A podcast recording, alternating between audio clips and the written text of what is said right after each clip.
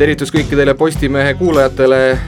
kehakultuuri podcast alustab järjekordse saatega, kätte jõudnud neljateistkümnes septembri esmaspäev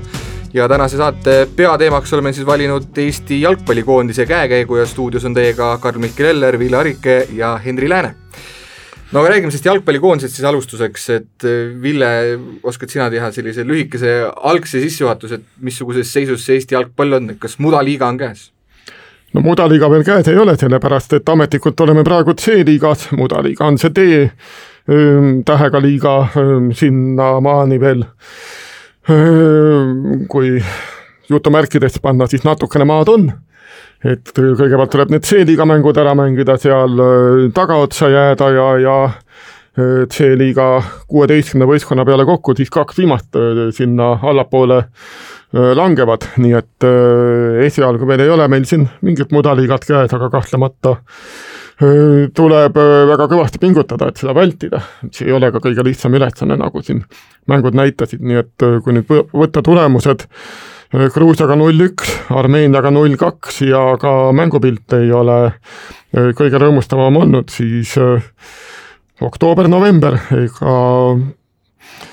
tuleb mängudes Põhja-Makedoonia kaks korda ning veel korra Armeenia ja Gruusiaga näidata midagi oluliselt paremat võrreldes sellega, mida me praegu nägime, aga noh, kust see oluliselt parem peaks tulema, et seda on natukene keerulisem juba, juba näha. no need C ja D gruppidelt siis Rahvuste Liigaga, kui me räägime laiemalt sellest koondisest, et siis Henri, sinu nägemus? noh, ega siis kiita ju ei ole, minu silmis noh, ma nüüd, see ei ole mingi kriitika ega etteheide, aga aga minu arust Eesti spordiajakirjanikel on, on, on pahatihti sellised kuidas ütleme, rõõmsad prillid ees või selle roosad Estoniades prillid ees, et kui minu mälu ei peta, siis eelmine aasta, kui meil oli siin võrkpalli EM, mängiti see alagrupi turniir, eks ju, Rotterdamis ja Amsterdamis, siis noh, saime kõik mängud tala, eks ju, hästi läks, kui mõne game'i võitsime, aga ometigi nagu isegi enne seda viimast mängu Ukrainaga oli ju veel selline, et noh, no seal võidame ära, et noh, okei okay,, et EM on tegelikult ju küll läbi, aga, aga noh, lõpetame pauguga, noh, pauguga lõpetatigi, aga negatiivse pauguga. et eh, jalgpallikoondise osas eh, no mina ei tea isegi, isegi vutiportaali soccernet.ee inimesed ei tundu eh, olevat just kõige siis rõõmsamates toonides või mõtetega selle jalgpallikoondise osas, et pealkirjad, kuidas ollakse kaelani sõnnikus ütleme siis viisakalt, et ja nõnda, et need on tegelikult, ma arvan, väga, väga täpsed ja tegelikult ei kehti ju ainult mitte koondise jalgpalli osas, vaid vaid need kõik viimased niisugune kaks-kolm kuud on tegelikult ju kabelimats oleks vale öelda, aga ikkagist väga-väga-väga masendavad olnud, et eh, eurosarjades siin järjepanu kaotusi saadud, teenitud või mitte, ja koondisega ka siis nüüd nõnda, et et, läheb halvasti ja pigem see D-divisjoni kurss on ikkagist üsna, üsna selge, sellepärast et ega okei okay,, Armeenia, no Armeeniaga ma arvan, Eesti tegelikult noh, võiks natukene rohkem mängida, et okei okay,, Armeenial oli seal suurim staar Hendrik Mihtarjan oli ju puudu, mees tahtis puhata natukene pärast, pärast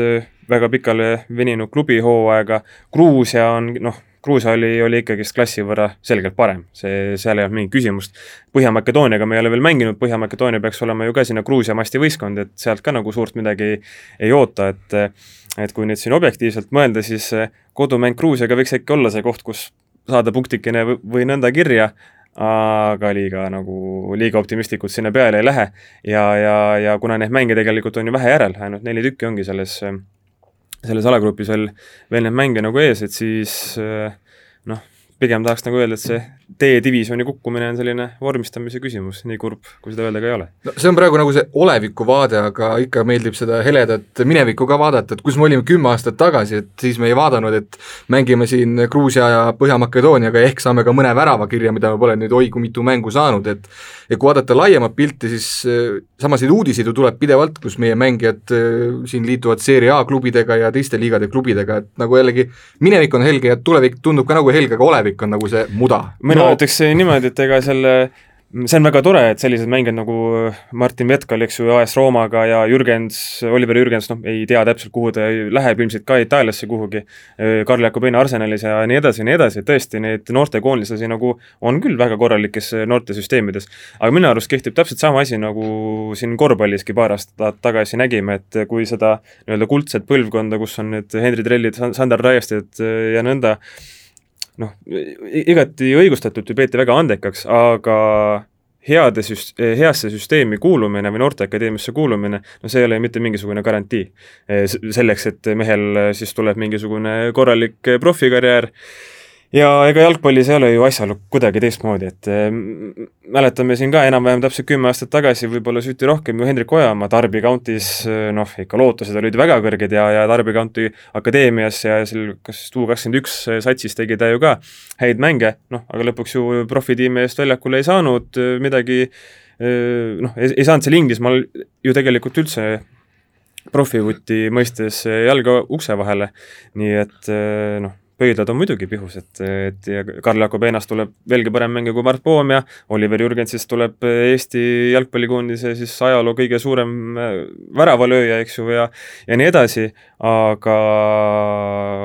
noh, neid asju ei, ei, ei saa kuidagi kivisse raiuda või nüüd mõelda, et kindlasti sealt midagi tuleb, ei saa kindlasti minu arust ka mõelda, et seal tuleb mingisuguse korraliku välisliiga normaalsel tasemel mängija no ütleme nii, et äh, Hengest minevikust ma väga ei räägiks, sellepärast et noh, see oli tõesti see üks ähvatus ainult, mis kaks tuhat kaksteist äh, äh, EM-i valiktsüklis tehti, et ega enne ja pärast seda ei ole ei ole finaalturniirile lähedalegi jõutud, nii et noh, suures plaanis too oli väga hea tsükkel heade asjaolude kokkulangemisel, noh, mulle tundub, et ka teatud äh, vastaste poolt oli ilmselt tegemist äh, Eesti alahindamisega, et mis ei vähenda absoluutselt seda, et Eesti koondis tõepoolest kasutas omad võimalused hiilgavalt ära, mis tolles tsüklis avanesid, au Tarmo Rüütile ja mängijatele loomulikult, aga kokkuvõttes, kui jälgida ikkagi seda seda viimase, ütleme, iseseisvuse aja kolmekümne aasta kogu dünaamikat, siis noh, see oli üks sähvatus ja, ja rohkem neid sähvatusi pole tulnud üksikute mängude näol loomulikult, aga, aga mitte selliste pikemate tsüklite jooksul.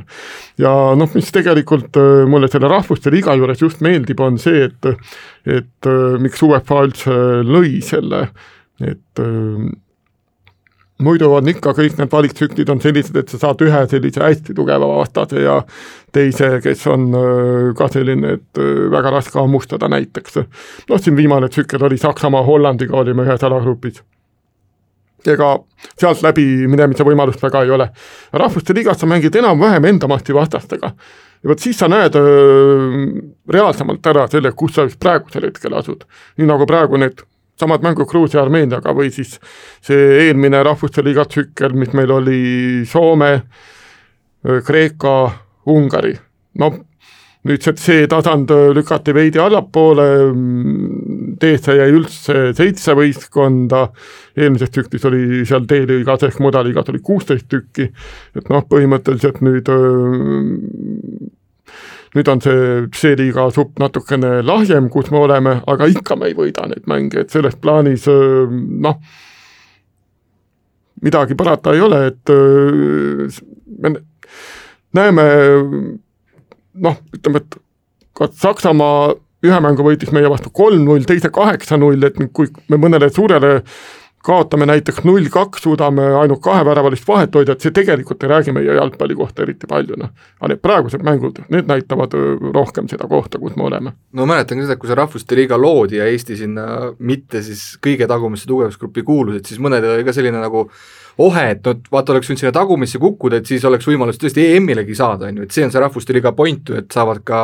mitte nii tugevad koondised lõpuks sinna nii-öelda Karjamaale või Marjamaale. jah, ja ega ütleme niimoodi, et ega näiteks sinna D-divisjoni kukkumine, no see kõlab ju nagu väga halvalt, et oh sa issand jumal. noh, samas ega Eesti jalgpalli maine nii-öelda laiema üldsuse silmis nii Eestis siis kui ka välismaal ei ole ju midagi vägevat. aga jällegi tuues võrdluseks näiteks korvpallikoondise, siis nemad käisid ju samamoodi põhjas ära, eh, mitte üldse kauges tulevikus, eh, kauges tulevikus, kaug-, kauges minevikus ikka, ja vaadake, mis seis nüüd on, et noh, see ei tähenda, et nüüd jalgpalli puhul peab niimoodi üks-ühele juhtuma, aga tegelikult selline põhja langemine on väga soodus pinnas restardiks, mida iganes see ka ei tähenda, kas nüüd siin alaliidu tasandil eh, koondise mingisuguse taktika osas või, või, või, või isikulise koosseisu osas, eks ju, see kõik on, on, on omaette ooper, aga noh, ma arvan, et kui see mutta, mutta langemine toimub, et siis äh, seda ei tasu kindlasti vaadata kuidagi nii, nii mustades toonides, et nüüd on kõik korras ja peame Eesti jalgpallile matuseid, et noh, need on siin kolmkümmend aastat juba peetud enam-vähem, see kaks tuhat kaksteist EM-valiksarja oli, oligi ju ainus ja noh, kui see valiksarja otsa sai, siis pidasime matuseid Viktor Kassaili, nii et noh, matuseid eestlastele vist meeldib pidada. no eile õhtul jälgisin ETV spordiuudiseid ka, kus oli siis Jalgpalliliidu president Aivar Pohlak intervjuud andmas ja ja sealt jäi meelde üks tsitaat, et, et see praegune vili, mis me näeme, on kaks tuhat kuni kaks tuhat kümme Eesti klubides tehtud tööde vili. et järelikult need viljad ei olnud siis nagu väga head, et mis te sellest arvate, et samas Pohlak isegi oli tollel ajal Flora juhtimise juures, et mingis mõttes tuleb nagu ka endale natuke otsa vaadata või? Noh, eks kindlasti, ega Eesti jalgpalli juures ta on olnud ju sisuliselt sünnist saati, et ega noh, ütleme, Eesti jalgpall ei ole nagu Aivar Pohlakut ja vastupidi ka, ma arvan. eks sellele väitele on kindlasti ju väga keeruline vastu vaielda ja siin ka, kui mõelda rahvusvahelise jalgpalli peale, kas või Saksamaa näide, et ega seal ju samamoodi mingid generatsioonid siin paarkümmend aastat tagasi olid, olid väga kehvad, selle peale väga kiiresti tegutseti, pumbati väga palju raha, siis korraldati noortesüsteemid või noh, noor, noorte töö üleriigiliselt korraldati väga suurelt ümber. Eesti, olgugi et Jalgpalliliit on meie alaliitudest ju kõige rikkam, siis noh, nii rikas see ikka ei ole, et et midagi nii, nii drastilist ja nii lühikese ajaga teha, aga noh, muudatusi on ju äh, on ilmselgelt vaja, kuigi samas ma usun ka seda, et mida rohkem noori välismaale saab, et siis äh, see tegelikult on lõppude lõpuks ka ikkagist äh, Eesti jalgpallile kasulik ja ja sellegi vilju ju noh, näeme siin jumal teab mis aasta pärast, eks ju, mingeid vilju näeme kindlasti, see on, see on kindel, aga, aga, aga kui kaua selleks aega läheb, no see ongi see miljoni dollari küsimus. Äh, no ma olen kogu aeg olnud äh, sellel seisukohal, et äh, ega A-koondise tulemused ükskõik mis spordialal äh, näitavad tegelikult riigis tehtud noortede taset viimase kümne-kahekümne aasta jooksul ja, ja selle mõtte ütlesin ka eelmisel nädalal Postimehes ilmunud loos välja. et kui nüüd jälle teistpidi vaadata, siis Pohlak on rääkinud sellest, et ähm, kogu aeg äh, Jalgpalliliit liigub väikeste sammudega paremuse suunas, noortetöö edendamised erinevate meetoditega, aga needsamad äh, mehed, kes kaks tuhat kaksteist nüüd äh, sinna play-off'i jõudsid, et noh, nemad said oma selle kooli ju üheksakümnendatel, kus see treenerite koolitused ja asjad olid veel lahjemad kui kahe tuhandendate esimesel kümnendil, et noh, et tegelikult see on selline suhteliselt mugav vabandus minu meelest, mille Pohlak siin ETV spordisaates välja tõi, et et ja kui nüüd vaatame seda viimast kümnendit, mis oli kaks tuhat kümme kuni kaks tuhat kakskümmend, eks ole, et noh, meie praegused noortekoondise, mis nüüd nende tulemused on, U kakskümmend üks, U üheksateist, üldse ei ole midagi, et selle tõi ka siin jalgpallitreener Jaanus Reimal välja oma Facebooki postituses mõni päev tagasi, et et noh, ei ole need asjad niisama lihtsad, et ikkagi tuleb vaadata mitte ainult klubide otsa, noh, loomulikult töö tehakse klubides ära, aga aga kogu see jalgpallikogukond tervikuna, alaliit, klubid, kõik huvitatud osapooled, et noh, kõik peavad nagu tervikuna, kompleksselt istuma kokku või, või mingi ümarlaud või ajurünnak, mis iganes, vaatama ausalt peeglisse, et äh, kuidas üldse kogu see äh, asi toimib meil. et äh, kui nüüd Jalgpalliliidu president ütleb, et kaks tuhat kuni kaks tuhat kümme oli see klubide töö kehv, okei okay., aga kes töötavad siis klubides, klubides töötavad treenerid, kuidas üldse terve see jalgpallikogukond noh, saaks aidata sellele kaasa, et treenerite töö oleks kvaliteetsem, kõik need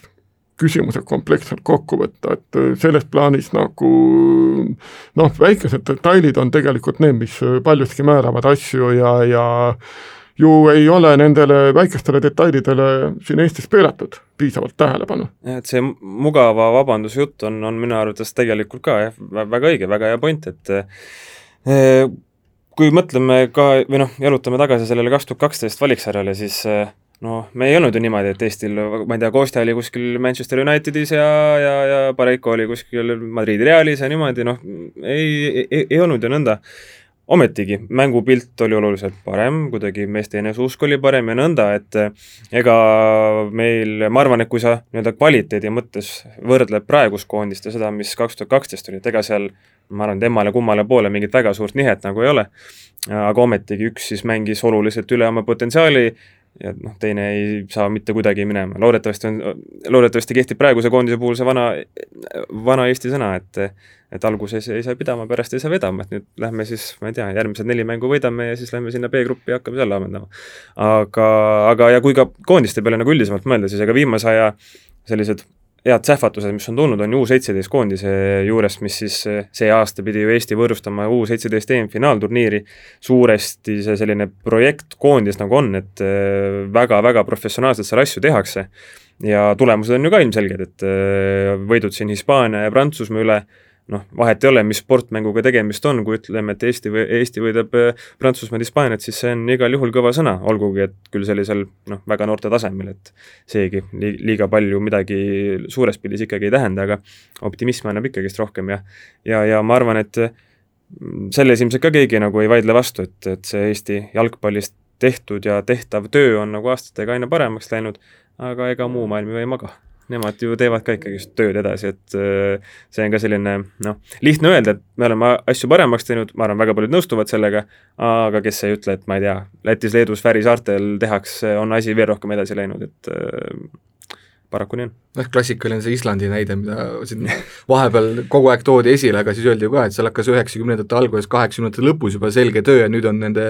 viljade maitsmine, aga kui me vaatame natuke tagasi tulevikku ka, siis täna on ka nagu ajalooliselt natuke märgiline päev, et täna neli aastat tagasi, kaks tuhat kuusteist lõpetas Jalgpalliliit meestekoondise peatreeneri Magnus Pärssniga lepingu ja, ja oma tööd alustas Martin Reim, toonane U kakskümmend üks peatreener ja nüüd meil on siis peatreeneriks Reimi järglane Karel Voolaid. Ja temagi on ju noortetreenerist siis nüüd sirgunud nagu täiskasvanute koondise treeneriks, et et ikkagi vahest öeldakse, et kui meeskond kaotab, siis kaotab pigem ikkagi treener, et mis te nagu praegu Kareli tegemiste kohta ütlete, et vist on nagu halb öelda ka kõik see, mis on toimunud, on nüüd tema süü või tema oi, oi, see on, see on, ma arvan, selline, selliste, sellised inimesed ütlevad, kes on söönud lõvi, konservi ja joonud kolm liitrit õlut ka veel alla. ja mitte mingit lahjakraami, vaid ikka seda mingit kümneprotsendilist fakset et äh, kindlasti ei saa Voolaidi peale kõike seda süüd veeretada. Mm,, kuigi noh, nii palju nagu mäletan, kui see Eesti-Saksamaa mäng oli, pärast mida ju Reim, eks ju, mõned päevad pärast tagasi astus, siis olin just teel tagasi Sardiinia rallilt, istusin äh, Varssavi äh, lennujaama lounge'is ja vaatasin seda pressikonverentsi ja mõtlesin, ohoo, no selge, et väga huvitav oli ju eh, hiljem ka nii-öelda spekuleerida, natuke uurida maad, et kes võiks siis olla see järglane Reimile, noh, enim toodi välja, minu arust oli vist Igor Prins, Arno Paipers ja Aleksandr Rogic, kes siis toona oli, oli, oli Levadias veel. ja lõppude lõpuks, kui Voolaid tuli, siis no veidi ju nagu üllatas, aga samas mitte väga ka, et ikkagist Jalgpalliliiduga väga selline kodune inimene, äh, jällegi, ma arvan, üsna mugav valik äh, ja algselt muidugi ta ju võeti ka kohusetäitjaks, et kohe seda nii-öelda täitlepingut ei antud, et tegelikult äh, noh, ma arvan, et täitsa nagu okei okay valik, ei ole siin midagi, midagi kurta. see, et ta tuli noortekoond-, või noh, et tal on suur noortekoondiste kogemus, tähendabki, et ega peatreenerina tal ei saa ju erilisi tulemusi olla, sellepärast et Eesti noortekoondised on, ei ole, ei ole resultaatide poolest ju head. ja kui me nüüd mõtleme, siis Voolaidi käe all on ju kaheksa mängu, kas on vist üks värav, kui ma ei eksi, mis oli Valgevene äh, vastu löödud üks-kaks kaotusmängus ja mis oli ju ka, eks ju, suluseisus tegelikult Erik Sorga poolt, nii et noh, seegi natuke naljakas, aga, aga sellest kaheksast mängust tegelikult ju neli on olnud no ka väga tugevate vastaste vastu, et siin kaks korda Holland, üks kord Saksamaa ja, ja Ukraina, Ukraina, just, et ja need on, kui ja, ja kui mõtlete, et oo oh,, Ukraina, et mis said see on, siis kui ma ei eksi, sest Ukrainal on enne seda, kui nad siin Rahvuste Liiga teisel mängude päeval Hispaaniale kaotasid, kas oli vist mingisugune kolmteist mängu kaotuseta seeria või midagi sellist, et ei no Ukraina on väga kõva sats absoluutselt, absoluutselt, et kui me nüüd siis niimoodi mõtleme, et kaheksast mängust neli olid niikuinii vastaste vastu, kus no olgem ausad, midagi suurt loota ei olnud, no siis see tegelikult, kui asi, asi konteksti panna, siis ei ole ju nii hull. noh, muidugi teine asi on see, et kui siis vaatad nende omasuguste vastu mängitud kohtumiste mängupilt, et see on kõnekam kui need tulemused ise, aga mina ütleks küll, et äh, Voolaid väärib kindlasti rohkem aega, aga probleem on selles, et ma arvan, et see aeg või noh, see kannatus võib nagu üsna kiirelt lõppeda, et ega siin eh, oktoobris, kui ma ei eksi, kas on kolm mängu, eh, on ju Leedu, eks ju, ja siis Põhja-Makedoonia ja keegi veel, Gruusia äkki või Armeenia? Armeenia. jah, jah. et, eh, et üsna lühikese aja jooksul need kõik toimuvad ja ma arvan, et kui sealt tuleb ka selline kolm kaotust, siis noh, siis nagu ei ole väga valikut enam no mul jäi Henri jutust kõlama no, see, et, et see, et Voolaid oli nagu kodune ja turvaline valik mingis mõttes just nimelt Jalgpalliliidu poolt vaadatuna, et mis sa, Ville, siis arvad, et, et on see ennast siis nagu kehtestanud? no tundub küll niimoodi, et see oli jah, selline, et ei tahetud äh, väga noh, sellist ütleme, jõulist otsust vastu võtta, et äh, pigem jätkame umbes nii, nagu meil oli see asi koduse treeneriga ja, ja noh, treeneriga, kes nüüd sealt U kakskümmend üks koondisest äh, tuleb, nii nagu ka Rein tuli omal ajal, et äh, et praegu noh, nagu sa tõid välja, et oktoobris kolm mängu, novembris tuleb veel kolm mängu, kõigepealt Itaaliaga, eks ole, et mis sealt veel noh, ütleme nii, et milleks seda sinna vaja oli enne neid mänge Gruusia ja Põhja-Makedooniaga, noh sellest ma väga aru ei saa, aga noh, see selleks, et noh, praegu ju oli juba, Voolaid ütles, et või põhjendas seda teises mängus öö, oluliselt teistsugust algkoosseisu, seitse muudatust tehti, tegid algkoosseisus, põhjendas sellega, et meil ei ole öö, neid mängijaid, kes äh, siin äh, kaks korda üheksakümmend minutit äh, nii lühikese aja jooksul vastu peaksid, et noh, nüüd tuleb kahel järgmisel kuul kolm korda üheksakümmend minutit põrutada järjest, et noh, see on juba mõnda aega selge, et noh, see Eesti jalgpallurite see füüsiline vorm, füüsiline treenitus ei ole siin alati vastastega ühel tasemel, noh, nägime kas või seda Flora euromängu siin Leedu klubi vastu noh, ikkagi... noh, ma ütleks selle Suuduva mängus mõlemad olid ikkagi, mõlemal oli toss äh, väga väljas. jaa, aga lisaajal oli..., lisaajal ikkagi vastased tundusid värskemad. jaa, aga noh, nad tegid ka rohkem vahetusi ja, ja, ja said äh, eriti just sinna poolkaitseliini said värskemaid äh, mehi ju tuua, kes väga hästi seda vedasid mängu, et seal ma ei mäleta, mis selle kodaniku eesnimi oli, aga Jan Kauskas vist see oli, oli ikkagist see onu, kes seal mängu suuresti ära tegi. jah et äh, noh, need kõik asjad kokku, et äh, ega see on selge, et poolaid tähendab novembri lõpuni on igal juhul ametis, et noh, pärast oktoobrit, kui ka juhtub oktoobris kolm kaotust tulema, siis ei, siis ei juhtu midagi veel, et noh, see tsükkel igal juhul läheb tema lõpuni, noh, kui äh, asi läheb õnnetult, noh siis on selge see, et Jalgpalliliidul on nii-öelda järgmise valiku koht, et aga, aga nüüd, kui selles alagrupis ka viimaseks jäädakse, siis see veel ei tähenda seda automaatselt D-liigasse langemist, et et D-liigasse langeb ainult kaks meeskonda nelja alagrupi peale, see tähendaks siis nii-öelda play-out või, või väljalangemismänge, need tulevad alles kaks tuhat kakskümmend kaks kevadel, mitte järgmise aasta, vaid ülejärgmise aasta kevadel on ette nähtud, et selles plaanis nagu noh, aega, aega on maal ja ilm sinnamaani, et mis ja kuidas siis minema hakkab, kes seal võib treener olla, nii edasi, noh seda on praegu täiesti veel väga, väga vara siin praegu arutada. aga minu arvates Reimi ja Voolaidi ametiajad on noh, veidi sarnases taktis või, või rütmis liikunud, et Reimiga ka, mäletan need esimesed mängud, no täitsa ju mängu moodi olid, eks ju, nüüd siin okei okay,, kaks väga rämedat kolakat saadi, et üks kaheksa Belgiale ja null kaheksa Saksamaale, mm,. aga muidu noh, kuidagi see mängupilt vähemalt alguses oli ikkagi selgelt julgem, Voolaid tegi täpselt sama eh, juhtum, et eh, siin üks esimesi mänge, mis tal oli, oli ju Saksamaaga, Saksamaa jäi kiiresti kaotusseisu ja noh, Eesti julges palliga mängida küll, Hollandi vastu siin koduväljakul oli ju täpselt samamoodi, et okei okay,, ei tule välja liiga hästi, no see on ka paratamatu, kui, kui, kui esiteks mängid juba nii tugeva koondise vastu ja teiseks enda mehed ei ei ole nagu sellisel tasemel, et et eh, nüüd siis vaadata neid, ütleme, mänge sellist jah, nii-öelda enda, endasuguste vastu, noh, kellest me tegelikult oleme natuke nõrgemad, siis eh, noh, seal ju ei ole nagu mingisugust harmooniat või, või, või sellist eh, sujuvust ei ole mängus nagu absoluutselt, et ja mismoodi seda parandada, mina oskan ainult õlgu kehitada selle peale. selle, sellepärast ma ei ole ka jalgpallikoondise peatreener võib-olla no selle treeneri teema lõpetuseks ma võib-olla tõstaks ka selle, ilmselt siis ebapopulaarse, võib-olla kellegi jaoks populaarse teema, et siis välistreener või see sildtreener Volt kaks nagu, nagu siin võib-olla parafraseerides nii-öelda minevikku, et, et kas see oleks nagu, no välistreener pole nagu võluvits, see on selge, aga aga võib-olla see oleks mingil hetkel see vajalik raputus, et, et mille pärast tuuakse välistreener üldjuhul klubi või koondise juurde, on see, et ta näeb asju teise pilguga, kui et Voolaid Reim või või, või Jarmo Rüütli, mis iganes. kindlasti loomulikult selleks välistreenerid ongi, aga noh, praegu on tõesti nii, et selle, tahtsin veel Gruusia mängu juurde tagasi tulla, et nagu sa siin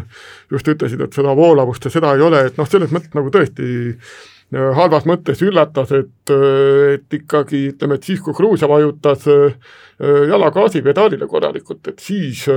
see periood just esimesel poolajal siin Tallinnas, et et see oli ikkagi väga nutune ja, ja noh, selge klassivahe tuli välja grusiinide noh, pall oli põhimõtteliselt jala külge liimitud, nende mäng oli väga hea vaadata, nendel oli korralik süsteem, oli nagu noh, näha, et mida, mida nad tahavad seal väljakul teha, noh. Tekkiski seal kuskil kahekümnenda minuti kandis see tunne või kahekümne viienda, ütleme, et et tundub, et ühel hetkel ikka meil ära lüüakse, läkski mõni minut mööda ja noh, nad lõid ideaalsest kombinatsioonist ära pärast seda teisel poolel nagu Gruusia hakkas selgelt ettevaatlikumalt mängima, riske absoluutselt ei võetud ja, ja ei lastud ka Eestil midagi teha, et noh, selles mõttes, selles mõttes oli, oli see mäng tõesti selline, et, et kas nüüd on siis meestes asi või, või oleks treener suutnud seal poole ajal midagi muuta, ei oskagi öelda, noh. jah, ja ega ma arvan, välistreeneri küsimuse osas äh, no tegelikult ei ole, ma arvan, oluline, mis, mis rahvusest treener on. väga nõustun endise, või tähendab, senise, senise kolleegi, endise töökaaslase Mart Reiele arv-, arvamusega, kes Õhtulehes ju kirjutas, et oleks vaja sellist Andres sõbralikku treenerit, et, et mitte otseselt nüüd oleks vaja eh, Andres Sõber sinna pulti lasta, vaid, vaid just selline mees, kes suudab äh,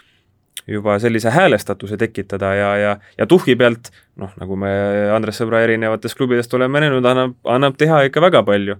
ja, ja isegi kui ütleme, noh, oskused ei, ei tule kaasa, et siis vähemalt sellist äh, mingit kindlat nagu suunda või joonist või, või, või või asja, mille poole püüeldakse, seda tahaks näha, aga praegu ei tundu nagu olevat üht ega teist. rohkem, rohkem selline sunnitöö, et käime seal, mütame üheksakümmend minutit ära ja siis vaatame, mis saab. jah, ega mehed, jalgpallurid on öelnud, et ega Tarmo Rüütli oli selline treener, kelle eest mindi ka mitte ainult äh, riigi ja tiimi, vaid ka treeneri eest mindi väljakule mängima, et noh, selles plaanis äh, noh, ka see mängupilt näitas seda, et noh, tõesti ja, ja kui me mõtleme nagu ka ütleme tippjalgpalli peale, mõtleme tippjalgpalli, jalgpalli peale, et ega siis äh, Jürgen Klopp no, on ju samasugune väga karismaatiline inimene, pole kahtlustki, et ta suudab äh, mängijatest maksimumi välja võtta ka sealt vaimselt poolt, Peep Guardiola samamoodi, ja et neid noh, näiteid on veel ja veel, et tegelikult see on nii oluline, vahet ei ole, mis tasemel sa seda jalgpalli mängid, et noh, Eesti võiks ka nagu midagi, millegi sinna, millegi sellise poole püüelda, et ma arvan, sellist taktikat suudetakse timmida paika küll niikuinii, ega koondises ei ole ainult peatreener, vaid seal on neid asjapulki ju rohkem, kes annavad nõu ja nõnda, et, et aga jah, et see nii-öelda, see vaimne, vaimne tuhh oleks üleval, vot see on oluline. jah, kui siin nüüd minna sinna üheksakümnendatesse tagasi, siis ju esimene välistreener, kes pikemat aega siin töötas äh, Teitur Tordarson, Island. Island ei olnud tol hetkel mingisugune jalgpallimaa, et noh, see valik võis alguses tunduda arusaamatu. et nüüd mitte, mitte jalkariigist tuua, tuua nüüd üks selline peatreener siia, aga, aga noh, nagu see aeg näitas, et valik oli õige täiesti, et noh, Teitur ikkagi noh, nagu ta ütles, et esimene asi on õpetada meeskond kaitses mängima ja, ja ja samamoodi ka väga võitluslikult mängiti ja veidi aega võttis, aga, aga hakkasid esimesed tulemused tulema, et noh, selles mõttes tõesti ütleme, et siin tänapäeva globaalses maailmas rahvusel ei ole tähtsust enam praegu ju korvpallikoondise peatreenerist ka toodi Soomest suhteliselt tundmatu mees, eks ole. aga kahe kuuga räägib natuke eesti keelt ka juba, nii et eks ta varsti nii eestlane. jah no kui me tuleme treenerite teemast nagu nüüd väljapoole, et siis selge on see, et koondis algab klubidest, kohalikest klubidest ja nende mängijatest, et sul võib olla küll neli-viis-kuus sellist koondise vedajat, kes mängivad välisliigas, aga, aga pigem ikkagi mingisugune osa mängijatest tuleb ka kodusest liigast, vähemasti selles seisus, kus meie praegu oleme ja ja jällegi tulles selle eilse Aivar Pohlaku intervjuu, intervjuu juurde tagasi ETV-s, et siis sealgi oli see küsimus, et kuidas siis ehitada neid suuri või selliseid klubisid, mis veaks ikka koondist, aga, aga Poolakul oli vastus väga lihtne, et nii väikeses ühiskonnas kahekümne esimese sajandi alguses luua toimuvat klubi struktuuri on vaja personaalset tahtmist, usku ja käituda visionärina, selleks pole praegu loomulikku eeldusi. ehk et põhimõtteliselt viimase lausega põrmustus ka see, et, et võiks olla keegi see inimene, aga tegelikult meil nagu praegu väga ei ole sellist klubi, kes nagu võiks olla siis selline noh, AAA klubi või, kuidas Flora võiks ju olla, et olla. pika puuga, ma arvan, Eesti kõige paremad treeningtingimused, tingimused ka mängijatele, mistõttu, ega ma arvan, näiteks kui Ken Kallaste tagasi tuli Eestisse, et ega kahtlen sügavalt, et Flora oli nüüd ainus klubi, kes temast huvitatud oli, aga aga kindlasti on Flora see koht, kes suudab pakkuda kõige paremaid ja nii-öelda tippjalgpallilikumaid tingimusi aga ma arvan, et noh, kui mõtleme ka üldse nagu Eesti selle klubi jalgpalli peale, siis ega meil siin tipus ütleme nelja tugevama hulgas noh, Floras nii-öelda see süsteem näib paigas olevat, äh, Paide on nüüd selline suur, suur tulija, äh, kes ka üritab ikkagist väga, äh, väga läbimõeldult asja ajada siis äh, ma arvan, Nõmme Kalju ja Levadia on jällegist rohkem nagu sellised projektipõhised klubid, et äh, seda on ju pikalt-pikalt räägitud, ma arvan, kauem kui mina olen elus olnud juba, et, et kui eurorahadest nad siin paar hooaega ilma jäävad, siis on noh, võib-olla kõik. ja, või noh, vähemalt sellisel tugeval tasemel, et siis võib-olla seal langetakse ka kuhugi, ma ei tea, keskmikuks või, või nõnda. Et kui nüüd mõelda ka selle peale, et ega Eesti Äh, siis klubides eurokoefitsient on ju väga-väga kehva, et nüüd siin järgmisest hooajast siis vist oleme paremad Andorrast ja San Marinost ja sellega asi vist ka piirdub, eks no ütleme nii, et kui koondist veel ei ole mudat, siis klubide no., klubide koefitsient on, on seal täiesti no just, ja, ja, ja, ja seetõttu ju ka üks eurosarja koht kaotatakse, et äh, rahad vähenevad. rahad vähenevad ja, ja noh, võib küll mõelda küll, et ütleme, jalgpallis ringleb ju nii palju raha, et mis see siis paarsada tuhat või natuke rohkem eurot ära ei ole, oh kurat, Eestis on no,, Eestis on see rohkem, väärt rohkem kui mõni, ma ei tea, kuningakroon kuskil muus riigis, et et see ka tegelikult paneb ju selle kõik asja ikkagist oluliselt keerulise, keerulisemasse seisu, et Jalgpalliliit on selles mõttes küll väga tubli olnud, et igasugused ähm, mis need on, stipendiumid ja kõik sellised asjad, mida välja mõeldakse ja üritatakse ikkagi ka omalt poolt nagu võimalikult palju turgutada seda ja ja siin eelmises või siis talvises üleminekuaknas enne hooaega ju nägime ka, et kuidas no Viljandi tulevik näiteks väga ilusti suutis ennast komplekteerida, sai eestlasi, keda ma arvan, et ilma selle mingisuguste jalgpalliliidu tugedeta nagu ilmselt nagu ei oleks saanud, ilmselt. vabandust, kui eksin, aga noh, ütleme, tundub, et seda tuge ikkagist klubidele eel, eelkõige rahaliselt on ikkagist veel vaja, et äh, Flora siin eelarve võib ju terve klubi peal olla siin kuskil vist üle kahe miljoni vist, midagi säärast, aga kui teistel on noh, ütleme heal juhul miljonini küündib, et siis käärid on nii suured, et et ühe klubi peale nüüd ei saa ka ju lootma jääda, et ega ma ei tea, Hollandis ei ole ka ju Amsterdami ajaks see A ja O, noh, nad on küll see kõige kuulsam, kõige edukam, kõige parem, aga teised klubid teevad samuti ju väga-väga head tööd ja ma arvan, et teistest riikidest leiab sääraseid näiteid veelgi. no korvpallis on see ju läbi käinud, et teha see mingisugune megagiga hüperklubi, et miks siis ei võiks jalgpallis olla, et, et panustamegi Florale? no siin on ka see küsimus, et ega ühest klubist äh, ei piisa, noh, sa võid teha see megagiga hüper, aga see on ikkagi esindusvõistkonnast räägime sel juhul. noorte töö on ikkagi see, mis tuleb igaühel omal ära teha ja, ja kui sul noori alt peale ei kasva, noh ega, ega siis pole sellest ega iga hüperis ka nagu mingit kaasa võeta. ja pealegi noh, ütleme, paned, noh, võtame siis, et võtame selle Flora näiteks, et toome sinna kõik need Eesti parimad pojad kokku, no mis ma arvan, et Euroopas ikka esimest eelringi saadakse äkki läbi, aga mingit garantiid ei ole, et teisest saadakse no., noh et ütleme siis isegi siin nüüd Euroopa liiga ju teises eelringis on, on juba potis ka Tottenham Hotspur ja AC Milan, kes no vahet ei ole, mis eestlased me sinna väljakule topime, no sorry, sealt me ei lähe nagu mitte mingil juhul edasi, on ju. et noh, ja siis ongi, et selleks, et siis koduliigas nagu kõiki kümme-null võita ja seda taset justkui tõsta, aga tegelikult ju mingisugust nagu suurt muutust ei tule, et noh, mis no,, mis point sellel on? ega siin ongi ju see küsimus, et äh, Flora juhib siin äh, Eesti liigat juba rohkem kui kümne punktiga, eks ole, see tähendab, et ikkagi on selgelt üle siin praegu kodus pika puuga, kui sa lähed ikkagi teatud mängudele, sa ei pea sada protsenti pingutama, et ära võita Eesti liigas. ja nüüd sa lähed euromängule, ei ole nende kergete mängude pealt. Noh, see ei pea sõna otseses mõttes kerge olema, mis sa siin Eesti liigas mängid, aga ikkagi ütleme, et, ütleme nii, et Euroopa mõistes kergete mängude pealt sa lähed eurosarja, sa ongi nii, et sul on ainult üks, üks euromäng võib-olla terve selle hooaja peale kõmm, noh, sa ei olegi harjunud selle tasemega, selle tempoga, mida seal mängitakse, noh, sul on võib-olla esimene mäng üldse kulukski ära sellega, et harjuda selle tempoga ära kõigepealt, et selles mõttes on, oleks loomulikult, ütleme nii, et kui sa kodus mängid iganädalaselt neid häid kõvu mänge, siis sa saad ka eurosarja minna palju parema, palju paremini, palju kindlamalt. aga, aga ongi praegu seesama teema, et ega ega sellise lahja koduse liiga pealt on väga raske seda Euroopa koefitsienti saada ja tõsta. eriti olukorras, kus noh, üks klubi on ju vähem, et eh, siis selleks, et need paar punkti juurde saada, et koefitsienti parandada, noh, keegi peab nagu eneseületamist tegema ja, ja me ei räägi siin sellest, et alistame ühes voorus Nishi ja Radnitski ja siis Frankfurdi Eintrachtile kaotama, vaid seal on vaja nagu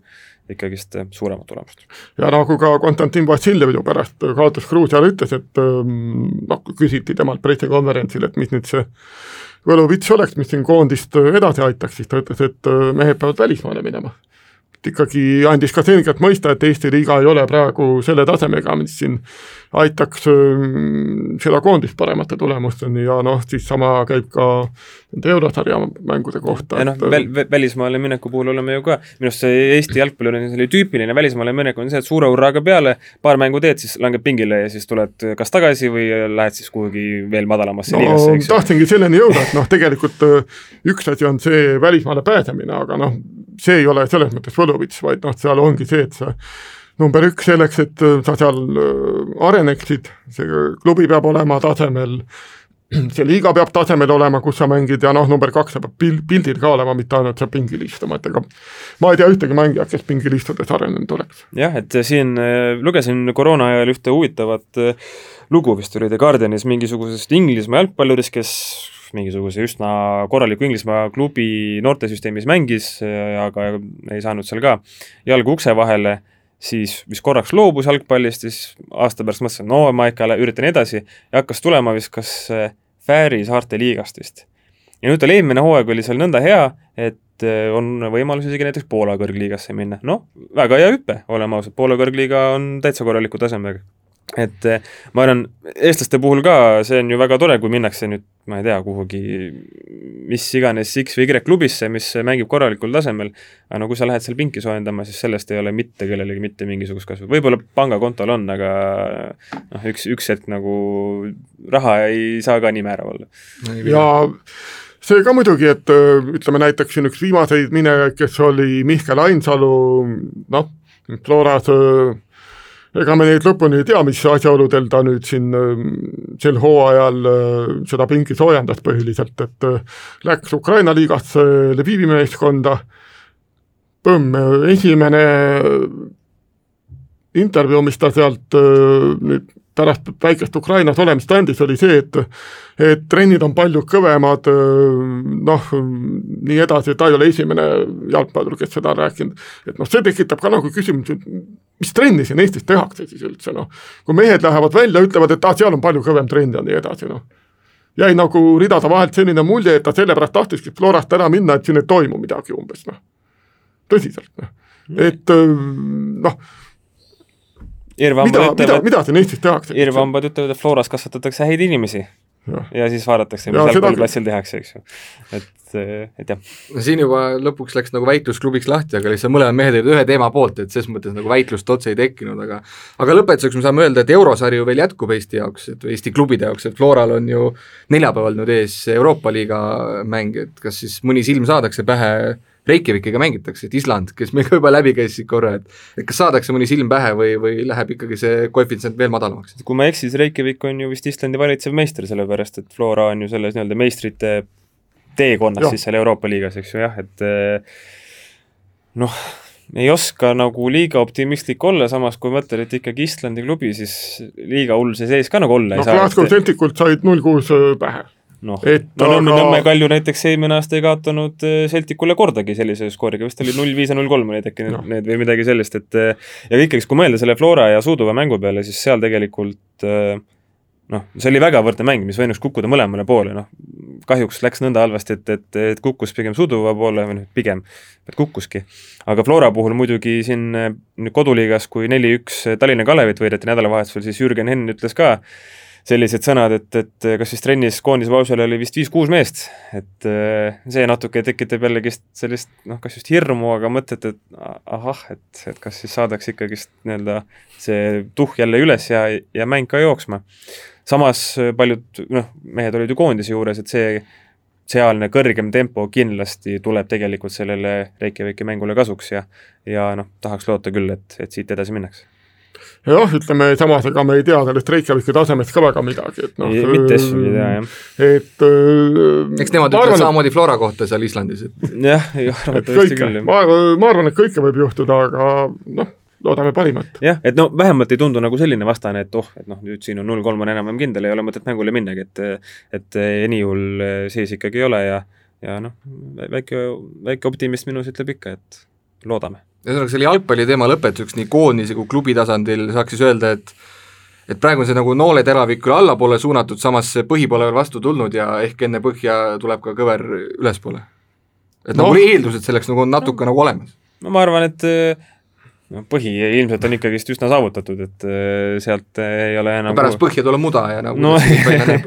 jah, aga, aga eks alati on ju võimalik leida nii-öelda mm, asju, mis võiksid tulevik tuleviku vaatamisel siis rõõmu teha, eks ju, noh, nagu eestlaste puhul on siis see, et, et näiteks äh, nii mõnigi noor on, on, on väga tugevas välisklubis. aga, aga jah, ma ei tea, ma, ma ei oska midagi konkreetset öelda niimoodi praegu.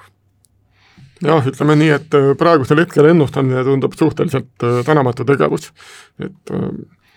vaatame selle oktoobri-novembri ära ja, ja noh, siis on teada, mis meil see Rahvuste Liiga tänavune tulemus on ja ja, ja siis saab juba edasi vaadata, edasi mõelda. Ja siis saame teha järgmisi kokkuvõtteid või edasi tulevikuvaateid jalgpalli osas, aga aga meie kehakultuuri lõpetuseks äh, Vilja võib ka muidugi selles edasi ka osaleda, aga lihtsalt mina ja Henri siis natuke räägiksime ka sellest vormel kahest Jüri Vipsist, kes ka tegelikult ikkagi lõppenud nädalavahetusel äh, eestlaste meel ikkagi paitas, ma julgen öelda, et F2-s äh, ikkagi, kui me võtame selle tasemet F1, F2, F3, siis ikkagi tugevuselt teine vormelisari maailmas. ja seal tulla poodiumile ei ole mitte kehv tulemus, eriti kui sa oled kaasa teinud alles kolm etappi. jah, et äh, no ongi, kui ütleme, mõtleme selle, paneme need Vipsi tulemused konteksti, et ega nagu sa mainisid, et kuus etappi, aga ta ei saanud ju enne testida ega midagi, see võimalus, et seal Tamsi tiimis üldse saada, tuli ka ju ikkagist noh, parajalt juhuslikult kätte, et üks mees sai lihtsalt vigastada, oli, oli, oli vaja kedagi kedagi asendada ja nõnda Vips võimalusi saigi. et ja kui mõtleme ka nüüd selle peale, et siin esimene etapp oli vist, kui ma ei eksi, Spaas, eks ju, et noh, seal no läks, läks üsna, üsna untsu, kuigi punkti kohale lõppude lõpuks lähedale jõudis. Monsas oli, kiirus oli tegelikult juba parem ja nüüd siis äh, Mugellos äh, oli poodium ja tegelikult ka esimene sõit, äh, nagu Jüri hiljem ise rääkis, et seal oli probleeme piisavalt palju ja, ja arvestades ka seda, et kvalifikatsioonis ta ju kolm kohta tagapoole kohtunike poolt visati, et siis sealt oleks võinud ka tegelikult poodium ei oleks olnud teps mitte selline helesinine unistus, vaid täitsa, täitsa reaalne värk, et et see lihtsalt näitab, kui kõva võidusõitjaga tegemist on. noh, aga sa, kahjuks me mootorispordis teame, et sa võid olla küll väga, väga kõva mees, aga aga väga paljud muud faktorid on need, mis seal loevad, et kas sa siis saad oma seda potentsiaali ka lõppude lõpuks realiseerida ja ja kahjuks on, on raha see, millest ei saa üle ega ümber, aga tahaks küll loota, et eh, selline kiire kohanemine selle F, F2 autoga ja, ja, ja head tulemused seal äh, kas just, et avavad nagu rohkem uksi, aga vähemalt Red Bulli meestele ja, ja Helmut Markole näitavad, et eh, noh, okei okay,, et see hooaeg võib sellepärast aia taha minna, et ta ei saa sinna Jaapanisse, kuna lihtsalt ei ole võimalik riiki pääseda, aga ikkagi, et see ei tähenda nüüd seda, et võiks siis eh, mehele eh, või noh, Vipsile jalaga tagumikku anda, et, et anda, anda, anda veel võimalusi. Nojah, et Vipsil on natuke karjääri jooksul õnne olnud, et kui ta oli seda peaaegu lõpetamas, siis tuli päästev Red Bulli nii-öelda härg sinna ette ja, ja rakendati tema tõlla ette ja ja tõesti, et Red Bull nagu raha ei pilla noorte suunas, et sa pead isegi olema selle välja teenima ja natuke oma panust panema, aga samas jällegi Vipsil nagu eeldused on väga head olemas, et, et läbi lüüa, noh, juba see aasta tegelikult me ju lootsime, et ta sõidaks F2 sarja nagu täispikalt kaasa enne kui algas kogu koroonamöll, otsustati Jaapani supervormula kasuks, ilmselt ka finantsilistel põhjustel, ja lõpuks me näeme, kus seis on, et mingis mõttes natuke nagu meie ja ka ilmselt Vips ja ka paljud teised sõitjad ootavad nagu armuliselt ka FIA otsust, et mis saab nendest superlitsentsi punktidest, et kas need nüüd kaovad ära või midagi külmutatakse ja sul on mingisugune šanss järgmiseks aastaks või siis nagu ülejärgmiseks need punktid kokku saada. jah, külmutamine tundub selles mõttes kõige ausam variant, et noh, on, midagi ei ole teha, kui sa ei saa riiki, siis ei saa, noh. ja minu jaoks on äh, Vipsi puhul seal F2-s üks äh, märkimisväärsemaid asju ka see, et kui siin eelmine aasta F3-s me ju harjusime, et kellega ta võitles seal, Robert Schwarzmann ja, ja, ja, ja Ihan Taruvala, Markus Armstrong, noh, need sõitjad on veel ja veel, siis äh, Vips on ikkagist F2-s nagu nii hästi kohanenud, et ta ei jää nagu nendele kiiruse poolest üldsegi, üldsegi ju suurt alla, et ja kui mõtleme sellele, et eilses sprindisõidus noh, start läks nässu, selja taha jäi kohe sarja üldliider Mikk Schumacher, aga Schumacher oli lähedal küll, aga ütleme, sellist nagu löögiulatusse tegelikult ta ju ei jõudnud, et Vips väga hästi suutis seda olukorda kontrollida, samal ajal siis ka eesmistele lähemale jõudes ja ja, ja, ja, ja üritades kohta parandada, nii et no ma ei tea, raske midagi halvasti öelda. ja natuke nagu vips meenutab Ott Tänakut, et pane mis auto või vormelirooli tahes, et hakkab kohe põrutama, et see on nagu hea, hea muidugi selline asi, mis on silma jäänud, aga Ville, sinu nägemused Jüri Vipsist? just seda tahtsingi märkida, et et kui arvestada seda, et noh, siin mõni nädal tagasi alles ju tekkis tal see võimalus F2-s sõita ja, ja nüüd juba, nüüd juba nii kiire poodium, et noh, see vormeli asju ma ei ole küll süvitsi jälginud, aga niimoodi ütleme, talupoja loogika ütleb, et noh, see on tegelikult noh, kõvem sõna, kui me siin arvata oskame üldse. ja, ja et, eriti näiteks mõeldes ka selle peale, et Tamsi jaoks oli see hooaja teine poodiumikoht, kui ma ei eksi, et mees, keda Vips asendab, Jean Gelal, tema ei olnud kordagi poodiumile jõudnud, tema, tal on vist kümme etappi on kirjas ja tal on koos vähem punkte kui Vipsil siis selle kuue sõiduga juba ja Dan Dictam siis Tamsi kolmas sõit ja tema ka ühe korra oli kolmas kuskil. ta, Dictumic on saanud selle natuke jackpoti kätte, et ta on olnud nii esimene, teine kui kolmas. aga Vabandust. jah, tõsiselt, aga no ta on ka terve hooaja kaasa sõitnud yeah. ja on saanud hooajaliselt trenne teha kõik selle, nii et me saa, ei saa neid täpselt ju võrrelda. jah, jah, et ikkagist jah, see kiirus on ka nagu nende meeskonnakaaslastega, rääkimata siis konkurentidega võrreldes juba ikkagist väga tipp-topp. et noh, see näitabki seda, et noh, tegelikult see annab ka ütleme, tiimi bossidele selge signaali, et äh, mees on võimeline kiirelt kohanema, ta on võimeline kiirelt sõitma, noh, miks mitte talle ka seda vormel ühe võimalust pakkuda, et äh, pole välistatud, et äh, paneb seal samamoodi edasi, eks ole, et noh, siis no, selles plaanis nagu, nagu tundub küll hästi, hästi positiivne see värk, et noh, siin on noh, ütleme, mul on ma olen kogu aeg mõelnud seda, et näiteks Rain Veidemann oli selline, ma lähen oma lemmikala korvpalli juurde korraks, et äh, Rain Veidemann oli selline vend, et kes igale poole, kuhu samm ülespoole läks, sai hakkama.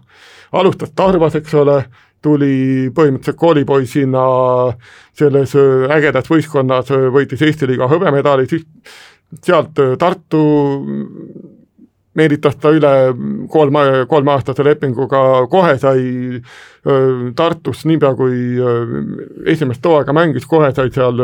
ilusti põhirotatsiooni põhimeheks, mängitud korralikult, siis vahepeal Saksamaalt Bayreuthi klubi võttis ta laenule, tegi seal ka korralikud mängud ära Saksamaa Bundesliga's siis äh, liikus Tartust edasi Kalev Cramosse VTB tasemel, äh, samamoodi sai hakkama Eesti koondis, samamoodi sai hakkama noh, et selles mõttes tema nagu noh, okei okay, jah, ühel hetkel äh, tuli lagi ette, aga, aga need esimesed sammud, mis ta tegi, et ükskõik kuhu ta läinud, ta sai hakkama igal pool, et noh, selles plaanis nagu selliseid mehi on olemas, miks mitte Vipp samamoodi siin võib sinna vormel üheni samamoodi välja jõuda. ja, ja Vipsi puhul on ju oluline ikkagi see, kui me, kui siin Ville tõi ka, et jääb tiimipealikele silma, siis Vipsi puhul õnn või õnnetus on see, et temal on vaja silma jääda Helmut Markole ja Red Bullile, et et see on see kõige reaalsem šanss, kus vormel ühe rooli saada, see on nagu vist selge. no ta on ja samas, kui ka vormel kahe peale mõelda, siis äh, Jüriga eile rääkides ta ütles ka, et ega need ütleme, F2, F3 autod nagu liiga erinevad ei ole, et muidugi seal on, on erinevad, mõned detailid on erinevad ja ega nüüd see kohanemine ei käi noh, lupsti, eks ju. boksi peatus on hoopis teine teema. jah, jah, et, et, et seal nii-öelda kohanemisasja ikkagist on mm,, aga, aga ikkagi, et see, et ta nagu noh, kuidas me ütleme, et, et, et see vahe või erinevus ei ole nagu nii suur, et selle võrra on tegelikult ka noh, grammi võrra on ikkagist hõlpsam, hõlpsam kohaneda ka. ja, ja noh, ütleme, kui järgmine etapp siin äh, enam-vähem pooleteist nädala pärast Venemaal Sotšis on, noh Jüri ütles, et esimene-teine sektor on seal väga vahvad, kolmas ei meeldi ilmselt mitte kellelegi, Tamm see eelmine aasta oli Sotšis ka päris heas äh, hoos ja minekus, nii et äh, ja arvestades ka seda, et Jüri kiirus on läinud üha paremaks äh, iga etapi järel, siis no sealt ootaks igasuguseid asju, aga noh, muidugi eh, liiga pilvedesse ei tasu ka tõusta. no aga siis pöidlab pihku, kehakultuur selleks korraks tõmbab joone alla, et olla juba nädala pärast tagasi ja siis juba Türgi ralli järellainetusega, igal juhul Karl-Mihkel Eller, Ville Arike ja Henri Lääne tänavad, et olite meiega ja kena jätku!